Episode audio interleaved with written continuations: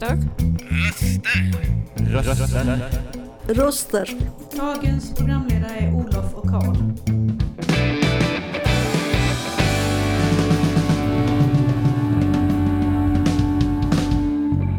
Dina röster i vardagen. Hej och eh, välkomna till eh, dagens eh, podd den 24 i, al- i elfte. Och ja, vädret är lite grått som vanligt. Har eh, töat bort från att varit eh, sörja och blixthalka till att nu vara vanligt eh, skånskt höstväder igen.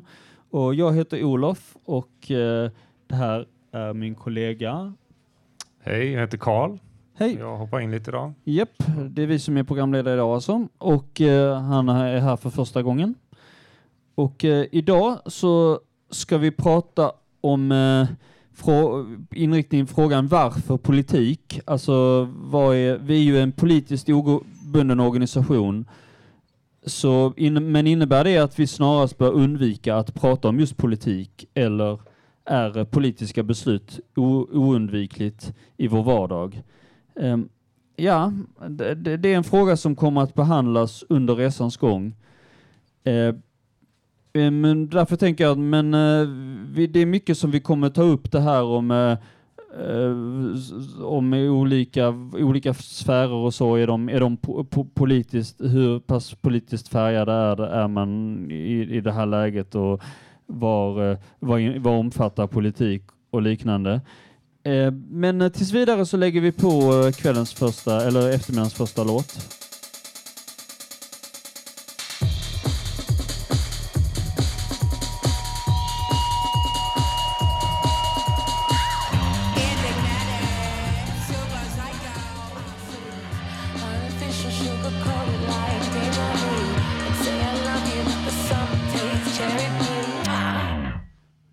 Lyssnar på Fontänbubbel och det vi precis hörde var Cherry Blue Intention med Special Interest. Ja, Karl, du hade en, eh, du hade, var, du hade en sak som du hade tänkt ta upp. Det handlade om, om en bok som du hade läst. Ja, alltså precis. Jag har inte läst hela boken för det är för kort tid, det är bara några dagar. Men jag tog på mig att läsa lite om en bok som heter Democracy for Realists som jag inte hade någon egentligen koll på innan eh, jag började läsa den inför nu podden. Men eh, så mycket att jag, jag fastnade lite för den när jag bläddrade lite i den i början.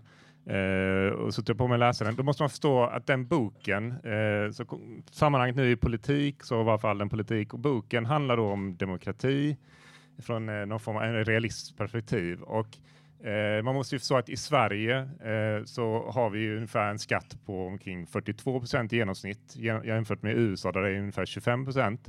Och då måste man förstå att det gör ju genast att, att medborgaren i Sverige har mer intresse eh, att engagera sig i politiken på ett annat sätt än man har i USA där det inte betyder så mycket. Den, den är inte med och påkostar eh, för den delen infrastruktur, med, med vård och omsorg och sådana grejer eh, på samma sätt som den är i Sverige. Va? Så att man måste förstå att när jag kommer gå igenom vissa grejer från den här boken nu eh, så, eh, så måste man förstå också att de i USA har medborgarna kanske inte riktigt lika mycket intresse och då kan det uppstå lite så här märkliga situationer på grund av när man gör, om, man, om man granskar olika valunderlag och sådana grejer och ser vad som har hänt i samhället.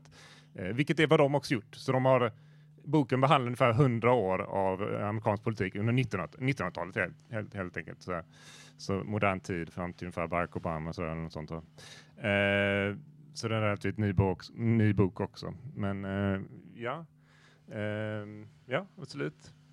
Ja, jo, jo precis. Uh, För här, uh, det gäller nog också frågan var, var går gränsen så att säga, var, vad i vardagen blir det som, som det övergår till att bli, att, att det man gör blir politiskt så att säga. När man pratar så här om pengar, hur det här ska räcka till och hur, eh, hur man ska ha råd med olika saker, är det är det då ett uttryck för eh, till exempel eh, politiska värderingar eller är det en diskussion om, om politik? Ja, precis, allting är ju politik, det är lite vad man Ja. säger idag på något vis. För att allting på något vis eh, Mm. är viktigt. Någonstans är en viktig fråga. Ja, Någonstans, precis. och politik. Och- Eh, men eh, jag tror att vad de försöker säga eh, från politik är ju demokrati och demokrati är politik eller involvera Mm. politiker och, och hela det politiska liksom, systemet. Så, så att vad de försöker säga med, med, eh, med demokrati är väl kanske att, att det, det, det bottnar i en väldigt romantisk syn av vad demokrati borde vara. Så att syn, alltså för att ett demokratiskt system ska funka fullt ut så, så bygger det på att medborgaren i landet eh, har, eh, är välinformerad om, om, om politiken som, eh, i landet. Va? Och, eh, men i själva verket är det lite eh, vad de här författarna till boken försöker säga är väl lite att folk, de flesta har inte riktigt tid att kunna fördjupa sig och, och engagera allt för mycket i politik. Så att det blir ofta ganska så här eh, spontana beslut som, som, som kanske inte eh, riktigt eh, överensstämmer med politik. Så det blir väldigt så plötsliga eh, byten av eh, partier och sånt. Eh, på grund av eh, sammanhang som kanske inte ens en bottnar i om, om pa- partiet för stunden har, har missbrukat sin makt överhuvudtaget eller överhuvudtaget gjort fel i sammanhanget på något vis. Va? Så, Mm. att, eh, så att det är väl lite problemet det här med att, att väljaren någonstans eh, inte alltid själv är så eh, insatt. Alltid, va? Och då blir demokratibegreppet ganska problematiskt i slutändan också. Dels det, och sen så den andra aspekten, det är självklart såklart att det är mycket en pengafråga. Va? Så, att om du, så de nämner till exempel exempel jag vet inte om det nämner de Washington DC som ett exempel på där politikerna någonstans eh, tillhör mer eller mindre en elit, mer än någonting annat. Va? Så de representerar inte medborgaren riktigt. Va? Eh, alltså det är inte alla samhällsklasser eller olika sociala grupper som, som fångas in eh, där. Och då blir ju såklart eh, de beslut som ta- tas fördelaktiga för kanske en lite mer av en elit någonstans. Liksom? Eh, så det, det, det, det, är både det så att medborgaren själv inte har så mycket koll och sen så är det också att systemet på något vis inte funkar riktigt för att det blir, det, blir mer för, för, fördelaktigt för någon form av elit kanske någonting annat. Sett till politiker Ja. också som bestämmer. Va? Men Jag tänker om vi går tillbaka till det här när det gäller, när det, gäller eh, Eh, aktiva, det, eh, det, det politiskt aktiva, så, så har vi så började det redan i Aten så att säga, om inte ännu tidigare, men det var då för, först som folk började engagera sig i som vi, vi hade någon form av demokrati när den började, ett embryo till demokrati när att folket skulle engagera sig i olika frågor. Och, det- och det hade ju med intresse, intresse för eh, för att försvara gränserna och att alla, om då alla var med och stödde och var med i krigen. eh, Eh, och, och, och, och bekämpade och försvarade landet så skulle de också ha inflytande och då blev det, och då var det uppdelat på så här eh, små små, väldigt små enheter som Aten. Det var inga enhetliga länder. Det var det ju,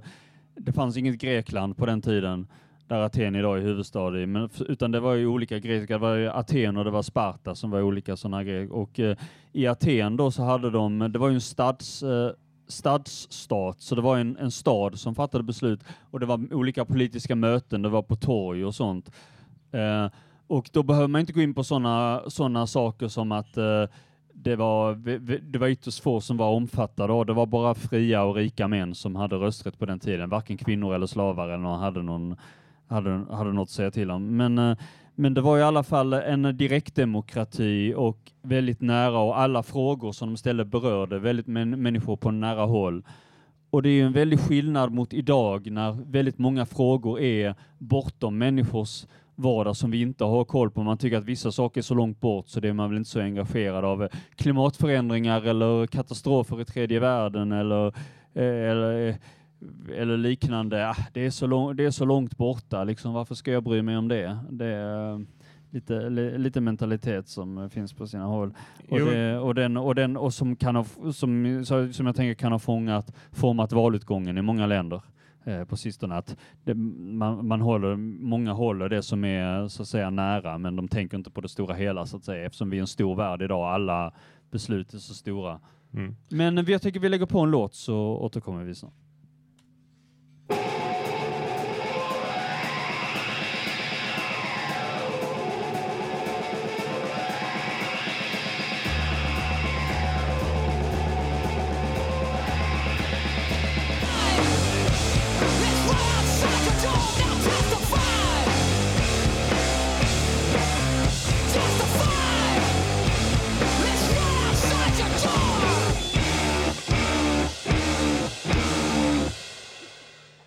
Du lyssnar på Fontänbubbel och det vi precis hörde var Testify med Rage Against the Machine. Ja, jag kan ju ta vid där du avslutade Mm, ja. med stadsstater. Eh, Mm. Så att eh, lite som också kommenteras är det här med att eh, i stadsstater kan du ha direktdemokrati på ett annat sätt än vad man kan i modern tid just för att det är isolerat. Va? Så det är, det är en stad egentligen och den är begränsad geografiskt. Eh, idag om du ska ha stadsstater eh, eller direkt, förlåt, direktdemokrati eh, så blir det mer eh, komplicerat och det blir för många, igen, igen, även där för många beslut för, för en enskild väljare. Va? Eh, en intressant grej är också att, att, att vad de mycket är intresserade av är, är, är grupptillhörighet också någonstans va, när det gäller politik. Mm. För att det är det oftast folk eh, tycker är viktigast. Eh, så det är ofta inte ideologin i sig utan det är grupptillhörigheten på något vis. Mm. Eh, och grupptillhörigheten fanns även på den tiden med, med Aten och så. Eh, men då var gruppen istället st- staten. Va? Stadsstaten var, man tillhörde den staden helt enkelt va? och det var gruppen. Så precis som Olof sa också att var, dessutom var det dessutom var ett begränsat antal som fick rösta eh, ändå. Va? Idag när vi pratar om grupptillhörighet i, i modern tid så infattar det en väs- väldigt massa olika områden, alltså religiösa och allt vad det nu är. Va? Eh, och jag tror att en modern person, eh, de väljer grupptillhörighet eh, av många, de, flera stycken de har egentligen som de tillhör. Så ett exempel de ger i boken är till exempel om du är en präst och tillhör kyrkan och i ditt jobb så är du väldigt eh, mån om att hjälpa och stötta fattiga i samhället på olika sätt. Va? Eh, och eh, när du ska välja, om det är USA som det är fallet i boken, va? så är ju frågan då Eh, egentligen så är republikanerna de som egentligen eh, är närmast eh, eh, kyrkan egentligen, alltså de tar mest ställning för kyrkan. Medan demokraterna är lite mindre ljumma, är det, eller är mer ljumma i den frågan. Va? Men om det är den här prästen som samtidigt är väldigt mån om att hjälpa fattiga i samhället så kanske du ändå väljer, väljer att rösta på demokraterna. Så det här betyder också, kontentan av det blir att, att grupptillhörighet inte riktigt så här synonymt med en viss typ av block eller parti heller, utan det, utan det beror på flera olika faktorer som du på något vis eh, jonglerar Mm. med liksom, på samma gång. Och så. Ja, jo det är också deras samarbete kräver ju struktur. Ju mer, ju mer man har att bestämma över, ju, ju, mer, ju mer måste folk samarbeta. Eh, för, eh, istället för att ba- basera på olika släkter, att de, de ordnar upp någonting, att man, man bestämmer i byarna hur det är.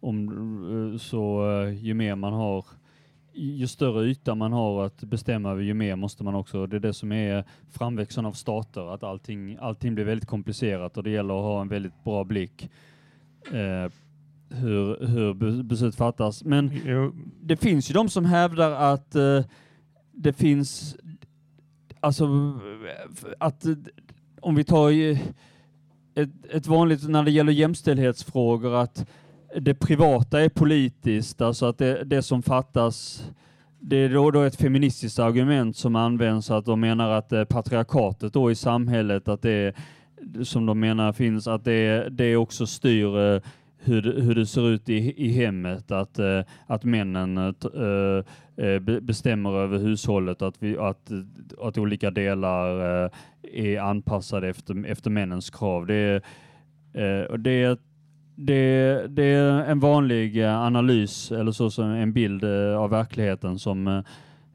som ofta används på det i, i, den typen av, i den typen av sammanhang.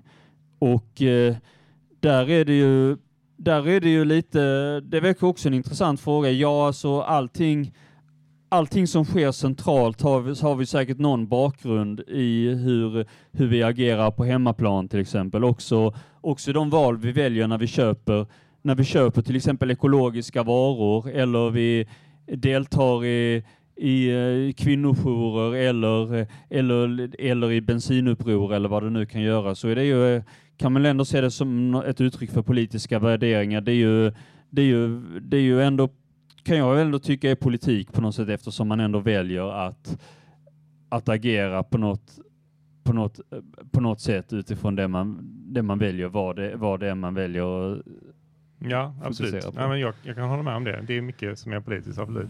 Ja. Eh, jag kan bara, i och med att jag eh, ändå är på den här boken, så kommer jag bara eh, byta ämne lite. Men, så att, eh, för att de, de, de, det ena de ser på är viktigt är, är grupptillhörighet när det gäller politik, men att det är svårt att formulera en politik kring det på något vis. Va? För att Eh, ofta kan folk på något vis eh, skapa ideologi kring grupptillhörighet också på något Mm. vis va? och göra det politiskt. Eh, även om det kanske inte är nå- någonting som det bottnar i alltid heller. Och det, så det är ett problem. Det är ett problem att komma till botten av, av hur man ska göra det.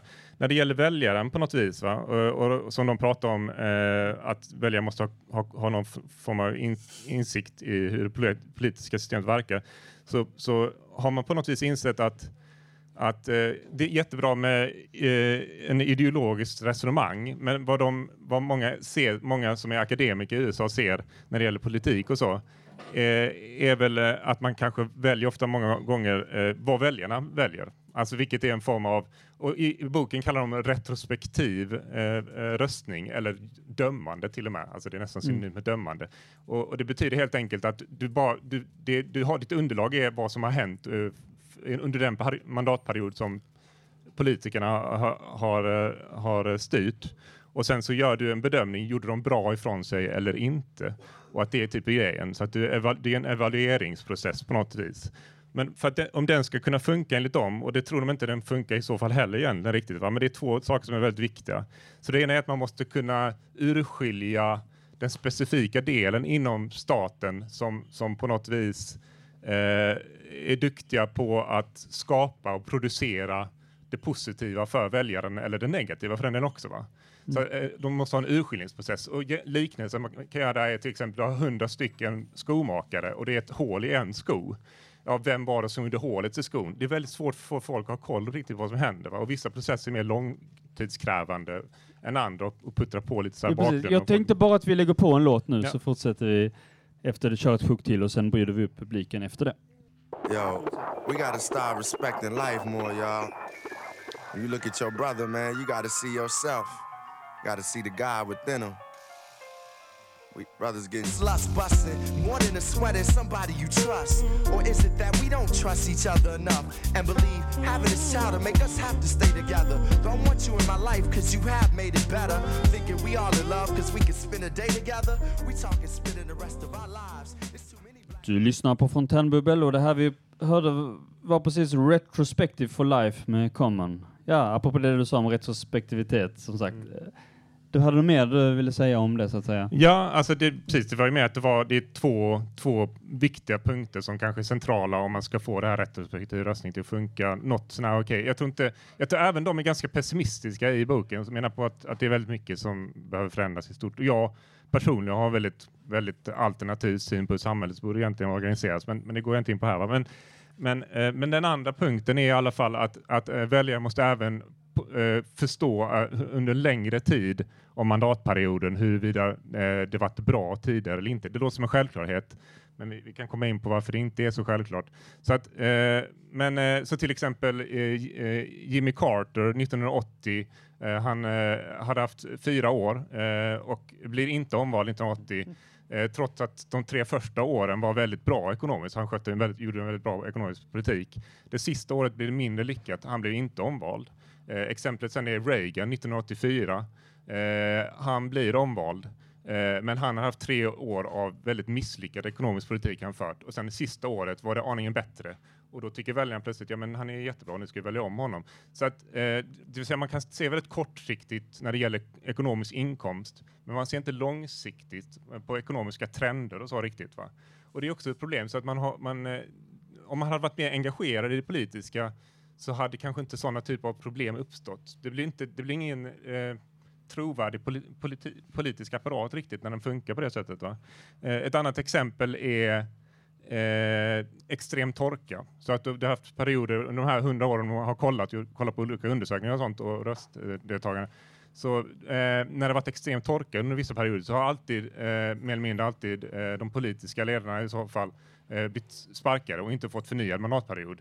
Eh, men, men som de nämner i boken, eh, det är inte som att en politisk ledare på något vis överhuvudtaget kan ha någonting att säga om klimatet, hur det funkar. Men man kan ju se det som att det är indirekt, in, indirekt också påverkningar som gör att de väljer som de väljer. Men även där borde de ju förstå att om det nu är matpriser som höjs och de nu är på grund av torka så borde de ju fatta att det inte är politikernas fel i sig och sådana grejer. Va? Så det är lite sådana aspekter på något vis. Va? Eh, Men, eh, men så att det, det är det som är grejen. Det blir lite...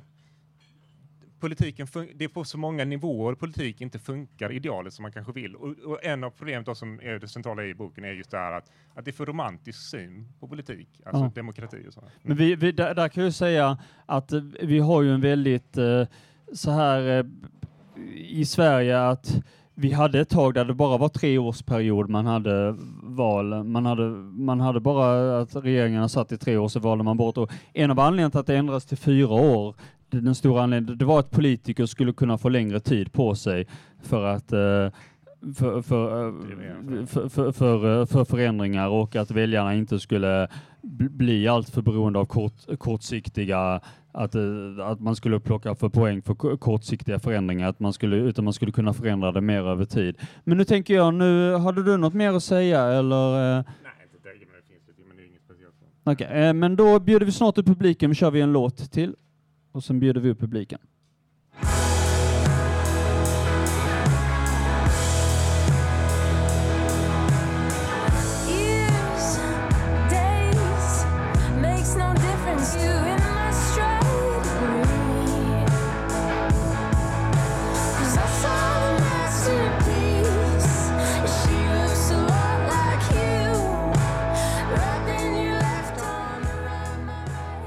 Du lyssnar på Fontänbubbel och det här vi precis hörde var Ma- eh, Masterpiece med Big Thief. Ja, då har vi vår första gäst här. Eh, Ja. Vill du presentera dig? Jag heter Mattias och jag ska prata om maffia och politik. Ja. En liten sväng. Jaså? Vad är egentligen relationen mellan maffia och politik i Italien? Den sicilianska maffian lever fortfarande i Italien, La Cosa Nostra. Organiserad kriminell grupp, infiltrerande och korrumperar regeringen. Dominerande hela regioner politiskt, socialt och ekonomiskt under 80-talet. Ett kriminellt företag. Historiker, sociologer, polis och politiker har ägnat massor av tid till problemet att definiera organiserad brottslighet. Vår historia är fylld med kungar och påvar, premiärministrar och presidenter som beter sig som gangstrar på nationell eller global skala. Maffia kan, kan definieras som aktionerna, gärningarna och orden av någon som försöker bete sig som en wise guy. Mutades politik, politiker och poliser. Jo då. I politik, en maffiastat är ett statssystem där regeringen är bunden med organiserad brottslighet till den grad där regeringstjänstemän, polisen och militär blir en del av ett kriminellt företag.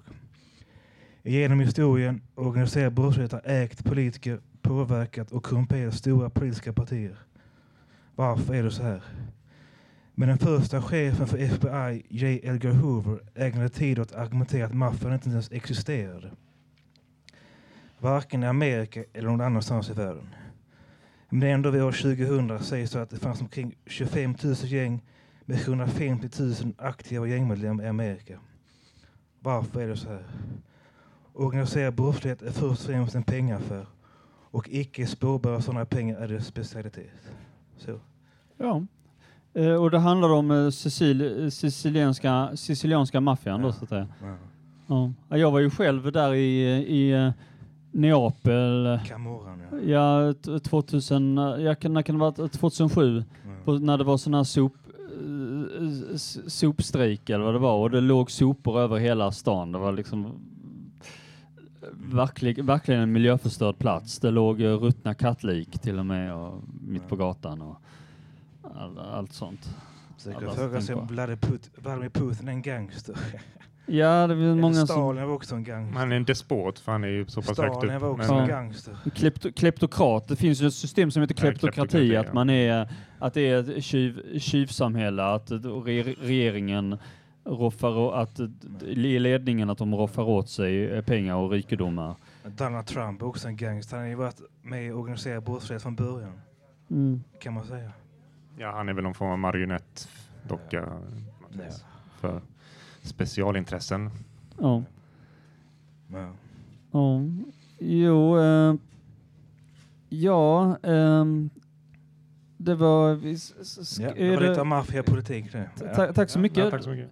Då har vi ytterligare en gäst nu. Vill du presentera dig också? Ja, hej, jag heter Roger. Och jag skulle bara kommentera en sak du sa, Karl. Du sa Okej. att i Sverige har vi 42 procent skatt. Nej, alltså i genomsnitt. Ja, det beror på hur man räknar. Genomsnittet är så, men de vanliga löntagarna, de som har en lön under 540 700 kronor, eller något sånt, eh, de eh, betalar eh, i, Lund betalar man då kommunalskatt på 30, 32 procent ja. ungefär. Mm. Och den, sen betalar de ingen statlig skatt. Utan det gör bara höginkomsttagare, riktigt, riktiga höginkomsttagare och företag och så. Och eh, vi, betalar, vi betalar ju moms också. Eh, när vi handlar och köper grejer och så, då betalar vi 25 procent moms. Det är Ja. ganska högt ändå. Ja. Och eh, det gör företag också. Men de får ju tillbaka den moms de betalar när de köper varor och tjänster. De får tillbaka de 25 procenten av staten. Så man är egenföretagare så kan man skippa momsen. Så Man skippar inte den, man måste alltid redovisa den Ja, och redovisa betala för den. men man- För, för, från, eh, men när man själv säljer någonting, en tjänst eller en vara, då får man inte tillbaka pengarna som företagare. Men i USA till exempel så har de ju federal inkomsttax. Den ligger på, eh, vad är det, 35, upp, uppemot 35 procent beroende på hur mycket man tjänar. Mellan 32 procent är det. Och då, så har de eh, delstatsskatt och den är mellan 0 till 12 procent.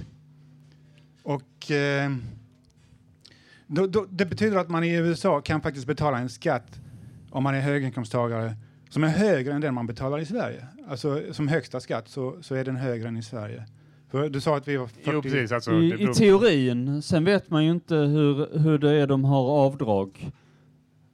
Eh, nej, det är, det är ju så att Mm. man, om man till exempel har en, en väldigt, eh, eh, om man så, säger att man är låginkomsttagare, man har inte som man klarar sig nästan, då Ja. betalar man ju 0 i, i eh, delstatsskatt Ja. eh, skatt, eh, oftast. Eller, Ja.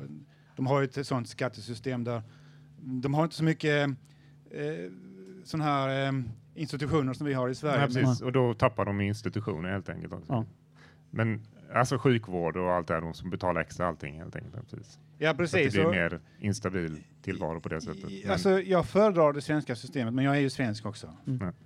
Men eh, sen så, så kan man diskutera vilket som är bäst och vem som har högst skatt. Det, man kan säga i princip att du försöker säga att det är relativt? Vem, vilken, allting är vilken- relativt, ja, vilken inkomst man vilken har och var inkomst man bor. så. Jo, det säger sig själv också. Det, det Ja. var det jag sa också, att du har medel... medel Ja, ja, precis. Ja. Mm. Men eh, det var allt jag ville säga. ja, absolut. Så tack, så Tack. tackar Tack. vi så mycket och så lägger vi på en låt och så bjuder vi på nästa person. best educated, best equipped, best prepared troops refuse to fight. Matter of fact, it's safe to say that they would rather switch. Fight the power. Fight the power. Fight the power. Du lyssnar på Fontänbubbel och det här vi hörde var den- den gamla 80-ka- 80-talsklassikern Fight the Power med Public Enemy. Och ja, då har vi fått en ny gäst nu. Välkommen upp Martin. politiskt. Eh, jag känner mig rätt så liberal. Alltså, jag vill att det ska finnas en, en, frihet. Eh, alltså inte för eh, stelt och inte för eh, surt. Så här. Jag tycker om när det som är ja, så bekvämt. Eh, Man sitter bekvämt, man åker bekväma bilar som inte väsnas, som inte hoppar för mycket. Och ehm, Ja, så även på fritiden tycker jag om att eh, åka skidor. Jag tycker det är väldigt eh, bra som frihetskänsla. Jag känner sig liberal. Hur mycket skatt man ska betala. Alltså, alltså jag, jag tycker om att åka på vägar som är behagliga. eh, Men i mitt område, där, tycker jag nog att eh, alltså, de som jobbar inom kommunen borde ordna de hålarna lite bättre. För det, det tycker jag är lite störigt. Mm. Sen så, här, det är mycket så som går till sjukvården. Alltså jag har aldrig behövt alltså, någon så allvarligare operation. Men däremot har jag liksom fått äta läkemedel och så. Och det är ju sånt som alla behöver. Så det, det är ju, då kan man acceptera att skatten är hög. Men eh, jag tänker på, du, du, eh, du har aldrig, eh, du tänker att, att så att du tycker om att vara fri och ute, ute i naturen och så, men vad har det med politik att göra egentligen? Just just den aspekten du tänker på. Just det här med att, att du tyckte om att åka skidor och sånt. Vad, har det, vad är kopplingen? Ser du något politiskt i det eller? Den friheten? Jo, men liksom det... Alltså vad man gör liksom under sin arbetstid är en sak, men sen så är det en sak också vem man blir vän med och vad man lär ut till dem och gör man, vad man gör på fritiden och de sakerna man använder och vad folk associerar det med i sin tur, vilken kunskap Mm. det innebär. Att man, Du menar att ingen, ingen styr över... Att ingen, Det pågår liksom under hela dygnet. ingen, styr, ingen styr dig från morgon till kväll så att säga, utan du har eget, eget utrymme så att säga. Jo, Till skillnad från, till, från en totalitär stat där man kanske har möjlighet att, att regeringen kanske ibland i vissa sammanhang, i extrema sammanhang kanske styr också sånt, vad man, vad man, eh, att man- inte får vistas ute vissa tider och sånt. Ehm, och Ja, Ja. ja. men så är det ju. Liksom, man ska inte hålla på liksom och väsnas för mycket på ställen. Nej. Liksom, Nej, man har alltid förväntningar Man inte vet någonting om. Eh, det verkar som att det är någon som också vill eh, ville komma fram och säga några ord till. Ja, Välkommen upp igen. ja, ja, ehm, jag skulle bara säga det att ehm, jag har ju ett chip opererat i huvudet, inopererat i huvudet. Ja. Med en radiosändare som styr mig. Ja. Och det är militären som styr mig. Och får mig att göra saker som jag inte vill göra. Ja, det, det har du fått av det här eh, covid-vaccinet då? Eh, Att de exakt. opererat in Nej, det, det, det hade jag faktiskt redan på 90-talet. Det fanns inga covid, covid på det sättet. I, det fanns ju covid, men, men det fanns ingen, ingen epidemi Nej. eh, om med covid just. Men vad, hur har du fått det där chippet som du pratar om då? Ja, det var militären som opererade in det när jag sov. De, de sp- spruttade in gas i lägenheten och, så jag inte vaknade och sen så opererade de in det i bakhuvudet på mig så jag kunde inte så jag de kunde styra mig. Trodde Hur, hur känner du av att du har det? Jag trodde faktiskt att det var så. Mm, okej. Eh, och eh, jag kände inte någonting av det, men jag har en bula här, här bak, eh, Ja. så det, det kan vara där chippet sitter liksom. Okej. Och du känner att du blir inte riktigt dig själv Mm. sen efter det, utan du är hela tiden liksom... Du gör, Alltid styrd, var, det var, Alltid styrd. men det, det var alltså, det var så det var, det var en realitet för mig på den tiden. Du tror det? ja. Jag trodde på det. Ja. Okej. Och det var ju, Så att det påverkar dig trots att det rimligtvis inte var så ändå? det påverkade ju mig på det sättet att jag fick signaler in i huvudet. Men det, men det var som du kände då, det är ingenting som du känner nu alltså? Eh, alltså, ja, tanken slår mig ibland, men jag tror ju inte på det. Jag har Mm. ju mediciner som fungerar väldigt bra på mig. Och Mm. Det har inte så mycket med politik att göra kanske, utom det att jag får min medicin för att staten betalar. Ja. Ja. Jo men det var... Jag betalar lite också, men, eh, Ja, du har ju nämnt det här också med att du kastar in en sten i fönstret. ja, men det, det tar vi inte idag. Nej, nej, Nej. men det är lite, det hör samman med samma Det problem. hör, det hör ihop med det, ja. Mm. Ja. Jo men eh, ja, jag tänkte vi kanske kan lägga på en låt nu så fortsätter vi se om det finns något mer att säga.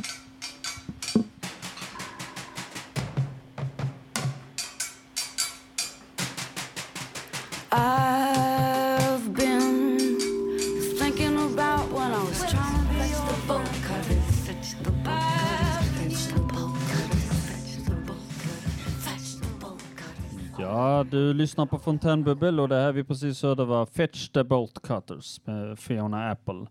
Ja, och jag tänker på det du Roger var inne på, det här med att eh, med chip och sånt där. Är det, tror du det är, har det någon koppling till att, att, man, man, att man tänker sådana tankar, att, att det hör ihop med vår ovilja, att, att vi blir, kan bli lite paranoida, att vi, att vi vår ovilja att bli, när vi associerar politiker, ja, de med makt där uppe, att, att den här rädslan för att de ska kontrollera oss. Jag tror att eh, eh, det kan vara så eh, om man är konspirationsteoretiker. Mm. Ja. Eh, nu, för, för min del var det för att jag var sjuk. Ja.